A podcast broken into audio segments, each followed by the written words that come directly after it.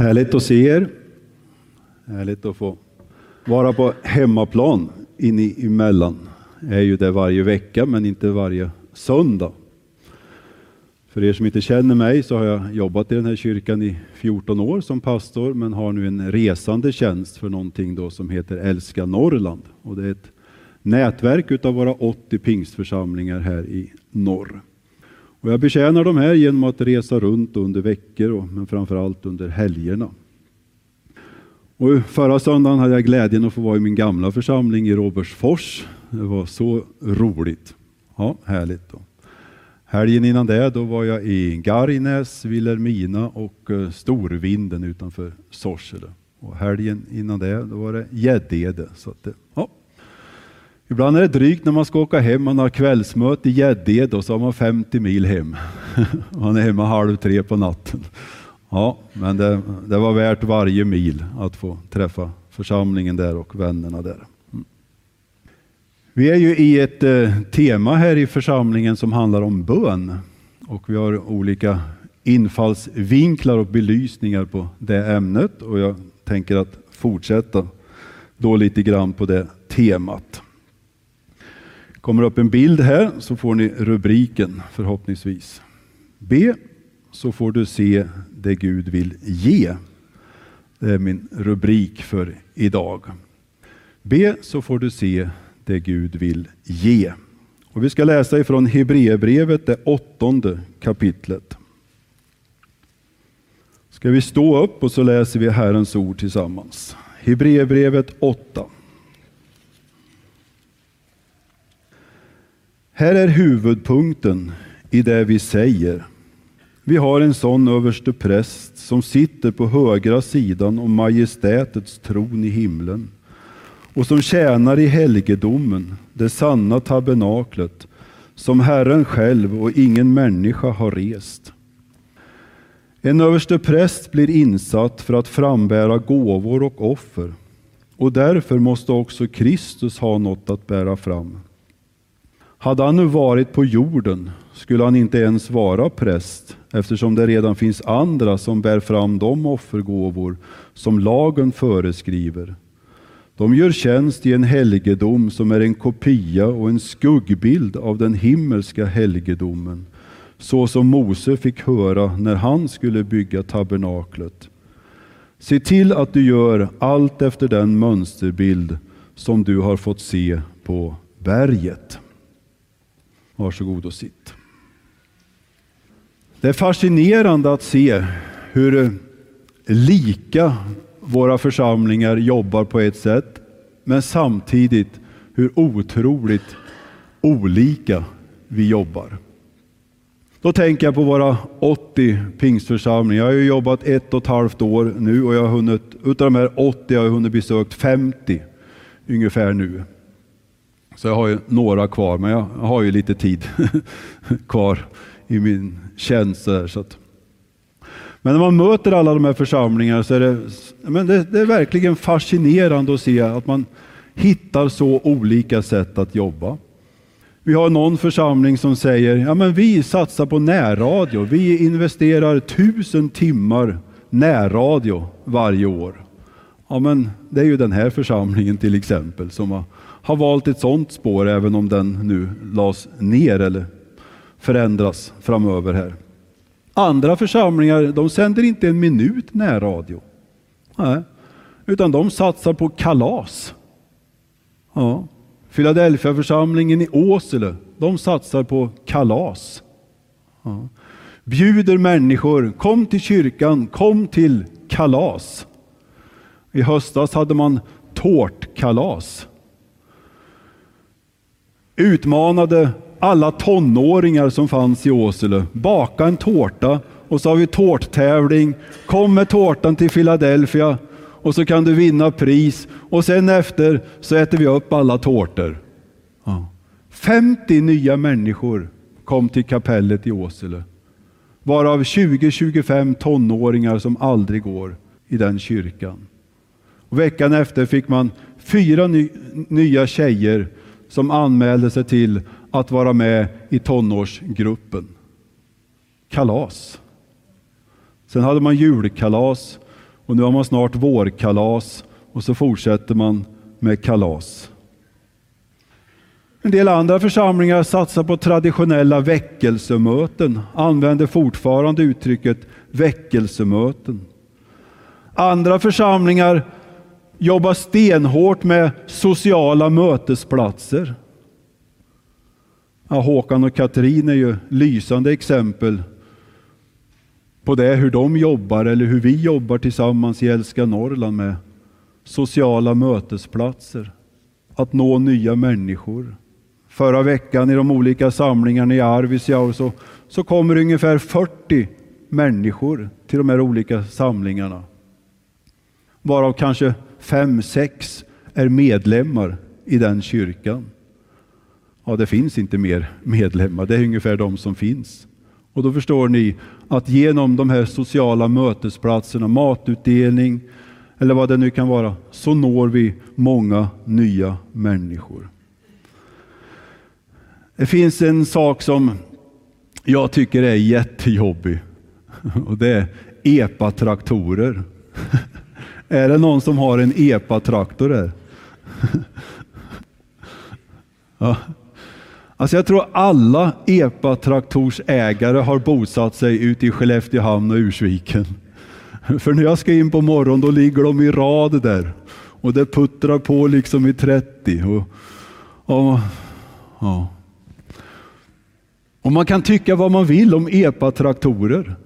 Men vet du, vi har flera församlingar som har vänt på det där och som tänker, nej jag ska inte irritera mig på EPA-traktorer, utan vi ska inbjuda alla som kör EPA-traktorer till vår kyrka. Och så har man startat EPA-café. Ja. EPA-café. Vet, EPA för mig, det är någon gammal butik vet du, med Epa-Sture när jag växte upp i Kristinehamn. Ja. Men nu är det bilar. Ja.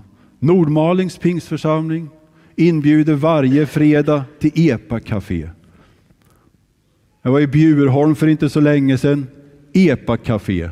Och nu besökte jag en tredje församling som säger vi kommer att satsa på att bjuda in ungdomarna till EPA-mötesplats.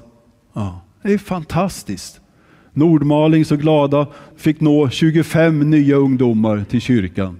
Vilhelmina där jag var förra helgen, eller för förra helgen, var jätteglada. De hade provat EPA-café, fick över in mellan 20 och 30 ungdomar som kom till kyrkan. Och Bjurholm likaså. En del de satsar på stickcafé. Har du hört? Stickcafé. Ja. Familjemiddagar. Svenska för invandrare. Lilla församlingen i Junsele med cirka tio medlemmar satsar på svenska för invandrare. Och nu har man fått ett, ett nytt gäng som har kommit. Och i det gamla gänget som kom ifrån Afghanistan och persisktalande så satsade församlingen där och fick vara med under den tiden de människorna fanns i Junsele. De har flyttat därifrån nu allesammans. Fick den lilla gruppen vara med och döpa 20 stycken före detta muslimer genom invandrarcafé, svenska för invandrare. Och nu har man öppnat igen och nu tar man emot ukrainarna som har kommit dit. Och så har man invandrare, svenska för invandrare. Andra satsar på LP-möten och så vidare och så vidare. Va? Det är fascinerande att se hur olika vi arbetar. Det verkar som de flesta församlingarna hittar sin modell. Eller också skulle jag vilja säga att en del församlingar skulle behöva hitta sin modell för den här tiden. Därför att jag tror att både du och jag som har varit med ett tag, vi ser hur tider förändras. Det är ingen självklarhet att man går på en traditionell gudstjänst i en kyrka idag. Men man är inte främmande för att komma till kyrkan. Men man kanske behöver skruva lite grann på modellen. Jag lärde mig ganska mycket när jag var i Dorotea så var det en liten UM-församling, Örebro missionsförsamling i en by som skulle gå in i vår församling och vi skulle ärva deras verksamhet. Och bland annat var det det som de kallade för symöten. Och ni som är gamla i pingströrelsen, ni vet att vi hade inte så mycket symöten i pingströrelsen därför att vår devis det var att det enda stygnet som ska förekomma i pingströrelsen det är stygnet i hjärtat. ja, så lät det förr. så låter det inte idag, men så lät det förr. Ja, och därför hade vi inte så mycket symöten. Men vi fick ärva det här symötet. Och vad var det egentligen? Jo, det var ett väckelsemöte som låg mitt på dagen i det här kapellet då, i Svanavattnet. Ja. Och jag tyckte när jag kom dit då, så fick jag se, det var inte en enda människa som sydde någonting. De hade inte ens sygrejerna med sig, men det hette symöte. Och jag tyckte nästan det var falsk varudeklaration på det där. Så jag sa, nej men vi kan inte kalla det här för symöte, det är ju inte en människa som syr, vi döper om det till dagledig träff. Så då gjorde vi så. Så nästa liksom, månad då annonserade vi dagledig träff. Och vet du vad som hände? Inte en människa kom. Ingen visste vad dagledig träff var i den byn. Så vi bytte tillbaka till symöte och då kom folket tillbaka. Det gäller att hitta sin modell liksom för varje plats. Och en del av våra församlingar skulle verkligen behöva hitta sin modell för den här tiden. Det verkar på något sätt när vi läser Hebreerbrevets texter som att Gud har en modell, en, en tanke för varje plats. Han hade det för Mose. Mose skulle få se bilden som Gud hade för, för sin tid, för hans tid. Han ville visa den för Mose. Vi var några stycken härifrån som var ner på Pingstpastor i Stockholm här i januari. En fantastisk pastorskonferens. 650 stycken svenska pastorer plus 200 utländska gäster som jobbar som pastorer, missionärer i, i de församlingar och rörelser som vi är en del utav. Nu var det långt ifrån alla, men några hade kommit utav de som vi hade inbjudit ifrån Sverige då till de här dagarna. Och när man intervjuar människor som har varit på den här konferensen och ställer ungefär frågan så här, vad, vad betydde mest för dig? Liksom? Vad, vad satt djupa spår de här dagarna? Så är det ganska många, inklusive jag själv, som svarar pastor Geto ifrån Etiopiens förkunnelse. Den satte enorma spår. Pastor Geto han ska alldeles strax inviga deras nybyggda kyrka med 10 000 sittplatser. Vi vet att i Etiopien idag, bara utifrån svensk kontext, för att i många av de här länderna så är ju svensk pingströrelse som har varit förelöpare när det gäller att sprida evangelium. 1982 när jag blev medlem i svensk pingströrelse, vet ni hur många missionärer vi hade då? 984 missionärer hade svensk pingströrelse. 984. Det är helt otroligt. Svensk pingströrelse hade mer missionärer än alla kyrkor tillsammans i Sverige utsända ut över vår värld. Och när man kommer till många av de här länderna och ser då vilka resultat som har skett utav det sändandet ifrån Sverige så är det helt fascinerande. Bara i Etiopien idag så räknar man med två miljoner pingstvänner. Det är bara Etiopien. Två miljoner pingstvänner. Vad var det Geto sa då? Vi ska få upp en bild här. Han sa tre stycken saker. Han undervisade om vikten av att be. Och det är ju det som vi är inne i i vår församling. Att be. Och när vi ber så vill Gud ge någonting. Det är väl vår starka tro, eller hur? Va? Att den som ber, han får. Eller hur? Ja. Men bönen är ju inte bara att få. Bönen är ju också att lyssna in vad Gud vill säga och vad Gud vill uppenbara och vad Gud vill visa för sitt folk och för sin församling och för dig och mig som enskild. Och när Gud ger en vision, en bild för någonting, så skapar ju det också en handling och en verksamhet, eller hur? Det är ju drömmen ifrån Guds sida. Det är ju inte bara att Gud vill visa bilden, visionen för Skellefteå eller vilken plats det är, utan att det också leder till en aktivitet och till en handling, till en modell för oss att jobba efter. Och det är därför som det kan se lite olika ut i våra församlingar hur man jobbar. Därför att Gud har en tanke och en plan med varje plats. Att det funkar där, men där funkar inte där, men det funkar där. Beroende på vilka omställ, omständigheter som finns, vilka, vilka människor som finns på den bygden. Och så vidare, och så vidare. Och hur församlingskroppen ser ut. Det är klart att uttrycken kan se väldigt olika ut om jag kommer till Gargnäs med tre medlemmar. Än om jag kommer till Pingstförsamlingen i Umeå med tusen medlemmar. Och det vet Gud. Och därför så har Gud en himmelsk vision, en plan, en modell för varje plats som han vill visa. Och han vill visa det för oss när vi ber, när vi söker Gud. Därför att jag tror, om vi tar nästa bild. Jag tror att Gud har en spegelbild för oss.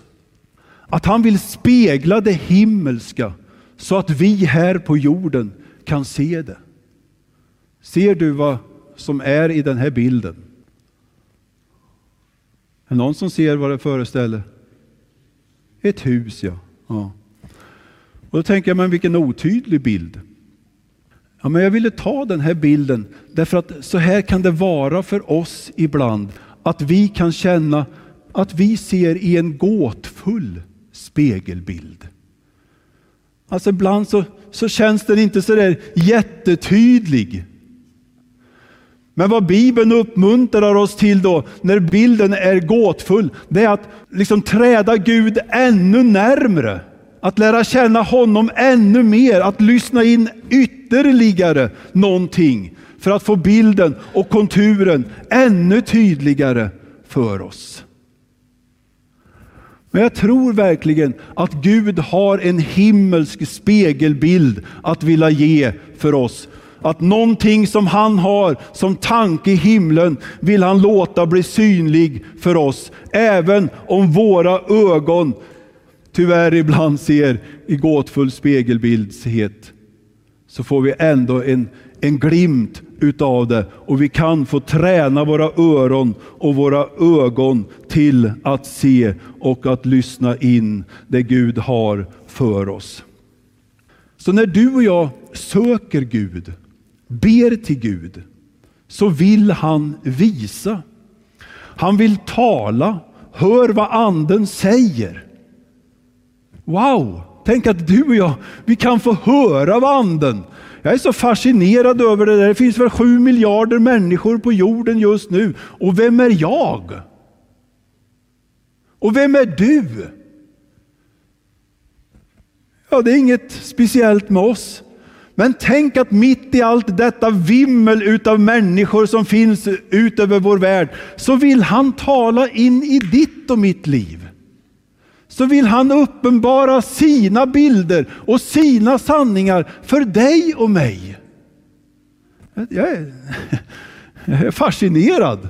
Det är inte du, men jag är det i alla fall. Va?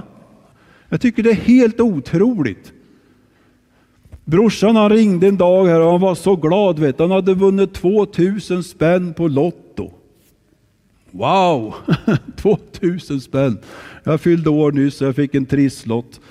Jag fick åt, åtta trisslotter utav mina, de skickar syskon och så här trisslotter. Och Britt-Marie hon, hon, skrapade sju stycken. För jag gillar inte att skrapa trisslotter för man blir så svart på tummen. Man måste gå och tvätta sig sen. Så hon får, hon får skrapa dem där när vi får några. Så hon skrapade sju stycken, det var sju nitlotter och var det en kvar. Då sa jag, nu ska jag visa hur man gör, sa jag. Och så skrapade jag och så vann jag 30 kronor. ja. ja. Och du vet, man vinner då som brorsan var så glad när han hade vunnit 2000 då. Och då, då, liksom, ja men, då är det någon som, som vinner. va. Men jag är så fascinerad över att när man är Guds barn och får ha en relation med Gud så kan alla vinna. Gud kan prata med alla. Och när jag var ung så eh, fattade jag inte riktigt det där, utan jag tänkte liksom, ja men hur funkar Gud? Hur, om vi alla sju miljarder skulle bestämma oss för att nu ber vi till Gud samtidigt, nu, då bryter väl växeln ihop? Va? Hur funkar liksom Gud? Och så hörde jag en bild av att om du tar en mugg och så ställer du upp alla människor runt Medelhavet så ryms alla människor på jorden där, runt det där havet. Och så säger du så här, när jag räknar till tre så tar ni eran mugg och så springer ni ner till Medelhavet och så fyller ni den. Kommer Medelhavet att ta slut? Nej. Sån är Gud. Vet. Även om vi skulle komma alla samtidigt så räcker Gud till i alla fall och tar inte slut och det finns kvar. Och Ibland när vi liksom söker Gud, ber till Gud, lyssnar till Gud, så vill han visa, han vill tala och han vill ge en profetisk känsla in i våra liv. Jag kan inte säga alltid så här, ja men jag hörde Gud sa, får jag ta en bulle till? Ja, det får du. Eller var är Tjorven det är inte alltid liksom jag hör det så tydligt. va. Eller det är inte alltid jag ser liksom skriften på väggen så här. Men när jag är i Gud så lägger han ner en profetisk känsla som gör att jag bara vet att jag vet. Har du varit med om det? Ja. Och Det är underbart att få den där profetiska känslan. Och Jag vill säga att det är mycket, mycket mer än det som vi ibland kallar för magkänsla. För magkänsla, min magkänsla, den litar jag inte ett dugg på, det måste jag säga. Den är otroligt lurig. Nej, utan profetisk känsla, det är någonting mycket djupare, någonting mycket mer sanktionerat liksom utav Guds ande. Jag känner en frid över det. Så be att Gud ger en vision och visionen skapar verksamhet och handling. Vi ska gå till Apostlagärningarna 1 och 8. Ett bibelord där som du säkert kan utan till, där det står så här att när den helige ande kommer över er ska ni få kraft att bli mina vittnen i Jerusalem, i hela Judeen och Samarien och ända till jordens yttersta gräns. Jag har ju varit med i pingströrelsen nu i över 40 år. Och jag nämnde lite grann på en bönesamling som vi hade här. Att jag varit lite förvånad över många av våra pingstförsamlingar och över många av våra pingstpastorer och, och andra. Att när jag läser den här viktiga bibelversen så är det som på något sätt att vi har tappat lite grann här. När jag ser den här bibelversen, jag ser vår egen församling, jag ser andra församlingar, så ser jag att man lägger otroligt stor tyngdvikt vid Jerusalem, där jag bor, där jag finns. Det gör den här församlingen, vi kan se det i budgeten. Vi lägger ungefär över två miljoner kronor i vår budget för Skellefteå. Inget ont om det, det är fantastiskt det som görs. Va? Och så lägger vi i den här församlingen och i många av våra församlingar en jättetonvikt vid jordens yttersta gräns. Och det gör vi i den här församlingen också. I den budgeten som lades nu eller togs här så, så kommer den här församlingen genom second hand och var med och satsade ungefär två miljoner på mission till jordens yttersta gräns. Det, det är fantastiskt. Ja. Men anden ville också någonting där mitt emellan. Eller? Anden ville att vi skulle satsa också på Judeen och Samarien. Vad är det då? Ja, för mig så är det Västerbotten och Norrbotten. För mig är det Norrland, liksom det som finns runt omkring här. Och när vi tittar i, i vår budget då så, så sätter vi ungefär 18 000 för det arbetet. Och jag har varit förvånad över att många av våra pingstförsamlingar sitter väldigt mycket med armarna i kors och bryr sig inte ett dugg om Judeen eller Samarien, eller väldigt lite. Vi bryr oss väldigt lite om när den ena församlingen efter den andra läggs ner och dör ut. Det här året så kommer tre pingsförsamlingar i Västerbotten att slå igen sina dörrar. Så när jag läser Andens uppdrag till oss som församling så ser jag att Anden vidgar vårt hjärta och vårt uppdrag. Anden vill skapa i oss ett ännu större vi. Och jag vill säga att om en församling ska överleva eller en rörelse ska överleva så behöver viet bli mycket större. Det behöver bli det i den lokala församlingen. Att människor som är med i en lokala församling känner, ja men vi är ett vi. Vi är inte en gemenskap utav jag. Utav 200 olika jag eller 300 eller 30 eller vad man är nu i en grupp. Vi är inte en gemenskap utav 200-300 individer. Det är vi ju självklart. Men vi är en gemenskap utav ett stort vi därför att vi är förenade i någonting.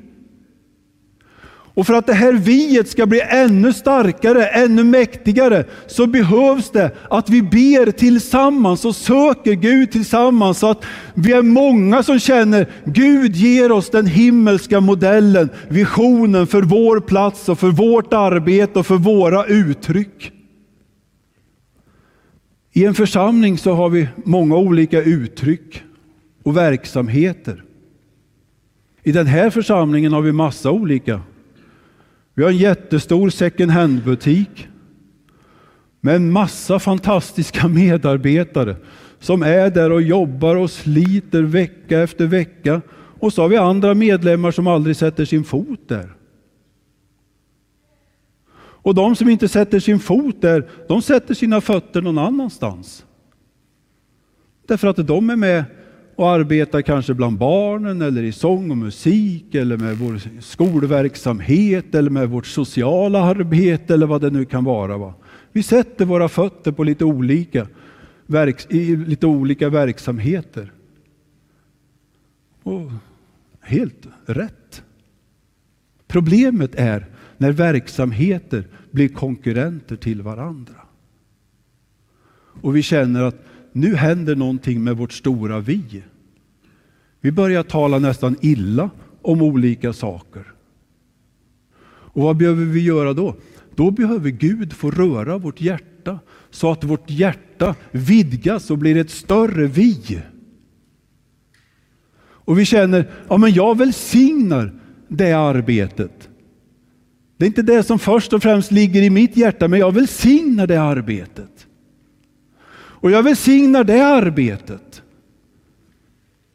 Jag välsignar dem som jobbar med jordens yttersta gräns. Men jag vill också vara med och välsigna dem som jobbar med Judeen och Samarien. Och jag välsignar dem som vill jobba med Jerusalem. Därför att jag tror att Anden vill vidga vårt hjärta. När jag får förmånen att få vara medlem i en församling och den här nu då. Så är det ju så att jag är ju ganska omusikalisk och jag är fruktansvärt oteknisk. Och jag är superdålig på en massa andra olika områden. Och så har jag något område där jag kan någonting lite grann. Ja. Men genom att vara med i en församling så blir mitt vi, mitt jag, mitt vi, blir så mycket större.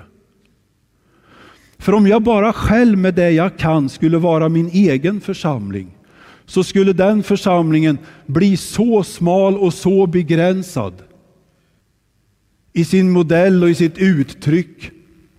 Men genom att jag får vara med i ett större vi och smälta ihop med flera medlemmar, med mera människor, så blir ju mitt jag ett så mycket större jag.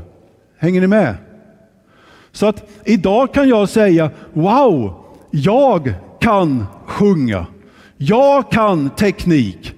Inte jag personligen, men eftersom jag är med i vårt stora vi så kan jag tala i vi-form och säga vår församling är fantastiskt duktig på mission. Vår församling är jätteduktig. Jag är jätteduktig på teknik. Fast jag knappt kan sätta i kontakten. Men jag är med i någonting mycket större. Förstår ni? Ja.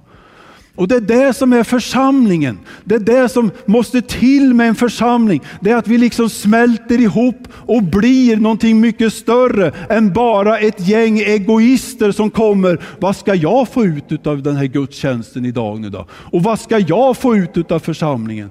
Utan vad har jag att ge idag som gör att vårt stora vi blir ännu större och vackrare och synligare? Jag vet inte om jag kan förklara vad jag menar. Men. Och det mest fascinerande tycker jag utav det här, det är ju att två saker kan liksom gå sida vid sida. Jag behöver som inte alltid välja. Ska jag be eller ska jag arbeta? Ska jag så eller ska jag skörda? Utan kroppen är så fantastisk att den liksom kan gå samtidigt med båda benen och göra flera saker samtidigt och ändå röra sig framåt. Och ibland så behöver den stanna upp, absolut, och fundera och söka Gud. Och så går vi. Och du vet, min kropp funkar så här. Att högerbenet bråkar inte med mitt vänsterben och säger nej, nu är det min tur att ta ett steg. Och vänsterbenet frågar inte och bråkar med mitt högerben och säger nej, men nu vill jag ta två steg. Och så får du. Nej. Utan det, det liksom bara funkar. va. Det går parallellt. Och så får det vara också i en församling. Ibland stannar vi upp och ber, men samtidigt så kan vi be och arbeta samtidigt. Va? Det får gå hand i hand. Ibland så sår vi på en åker och så skördar vi på en annan åker. Ibland får en åker ligga i träda och vila sig lite grann. Det betyder inte att vi skippar den åkern eller att den åkern är värdelös eller mindre värd på något sätt. Utan just nu så behöver den få vila sig lite grann av olika orsaker. Men vi jobbar på andra fronter. Ibland behöver en verksamhet i en församling få vila sig lite grann. Därför att de som har stått i verksamheten kanske behöver återhämta ny kraft och styrka. Och så får den ligga lite träda. Och så jobbar vi vidare. Ibland kan vi renovera kyrkan fysiskt. Men vi jobbar också och renoverar kyrkan andligt. Det behöver inte ligga i strid med varandra, utan det kan få gå parallellt. När jag läser den här församlingens historia,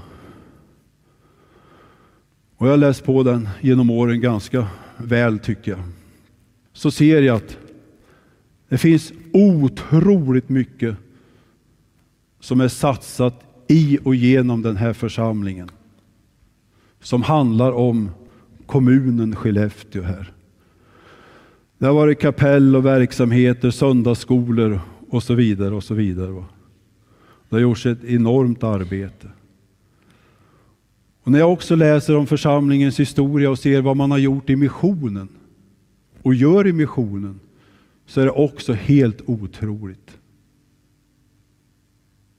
Men när jag läser församlingens historia och ser vad har man gjort i Judeen och Samarien så tror jag att vi, där, där kan Gud få, få göra mer genom oss som församling. Och personligen så har jag jättesvårt att sitta med armarna i kors och bara se att den ena församlingen efter den andra får läggas ner i vår omgivning. Jag klarar inte det. Utan här vänner skulle vi behöva få ett större vi med pingstförsamlingen i Malå, Sorsele, Gargnäs, Storvinden, Dorotea, Åsele, Pajala eller vad nu församlingarna heter. Va? Sen förstår jag att vi kan inte vara överallt, men vi kan göra någonting. Någonting. Därför att det är Andens uppdrag. Och Anden vill ge oss bilden när vi ber till honom. När vi söker honom så vill han ge oss modellen som vi ska jobba för, uppdraget som vi ska gå in i och som vi ska stå i. Och vi ska få vara med och se en skörd och glädjas över det.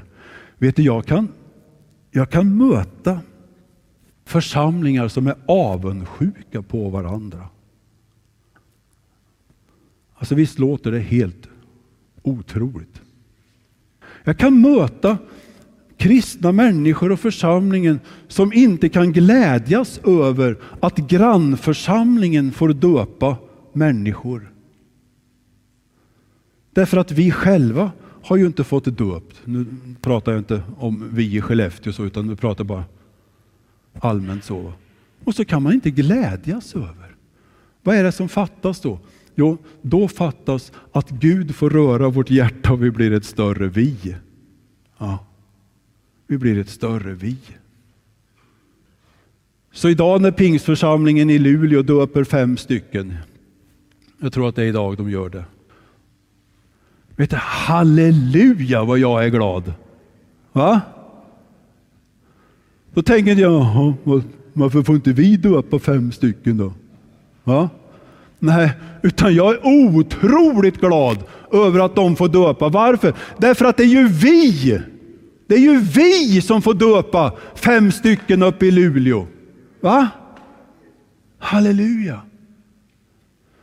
Och jag är jätteglad att Övik fick ha dopförrättning förra veckan. Varför då? Jo, därför att det är ju vi som får döpa i Övik. Och du vet när Gud vidgar vårt hjärta så vi känner ett ännu större vi. Vet du, då kommer vi att få känna en ännu större glädje över vad Gud gör. Så det var min hälsning idag. Be och vi ska få se vad Gud vill ge. Tror vi det?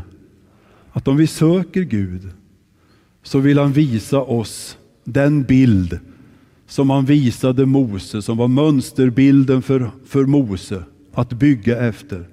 Han har en mönsterbild för oss i Skellefteå att bygga efter. Gud vill visa den för oss och han vill också att när vi ser den bilden så skapar det aktivitet och handling i Jerusalem, i Judeen och Samarien och ut till jordens yttersta gräns.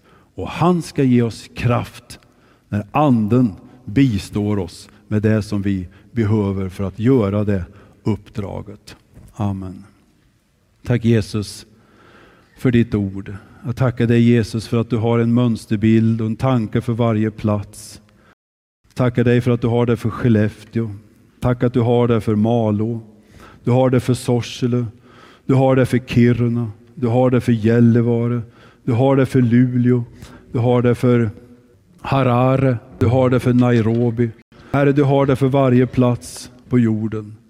Och Jesus, tack att du uppmuntrar oss som ditt folk att söka dig för att hitta mönsterbilden för den plats där vi finns Jesus och det arbete som du har för oss. Och det är Judeen och det är Samarien och det är jordens yttersta gräns som finns för oss Jesus. Jag prisar dig, jag tackar dig för det. Tack helige Ande för att du vill tala till oss, du vill visa oss dina vägar, du vill lägga ner en profetisk känsla i vårt hjärta Jesus, en övertygelse om att jag vet att jag vet Därför att du har lagt ner det och vi känner en frid över dig Jesus. Vi prisar dig. Välsigna den här församlingen att få vara det som du har tänkt och att få leva i den mönsterbild som du har för oss Jesus. Och jag tackar dig för att när vi förenas i en församlingsbön, Herre, så skapar du ett ännu större vi i våra hjärtan, Jesus. Så att vi känner, ja men jag välsignar olika verksamhetsområden, olika arbetsuppgifter i vår församling, även om det inte är min egen kallelse. Men eftersom jag är med i det stora viet så vidgar du mitt hjärta och jag välsignar dig Jesus. Och det behöver inte vara konkurrens då Herre, halleluja, utan det får vara med och bygga någonting som är så mycket större än bara jag själv och den gåva som jag själv besitter Jesus. Vi prisar dig i Jesu namn. Amen. Amen.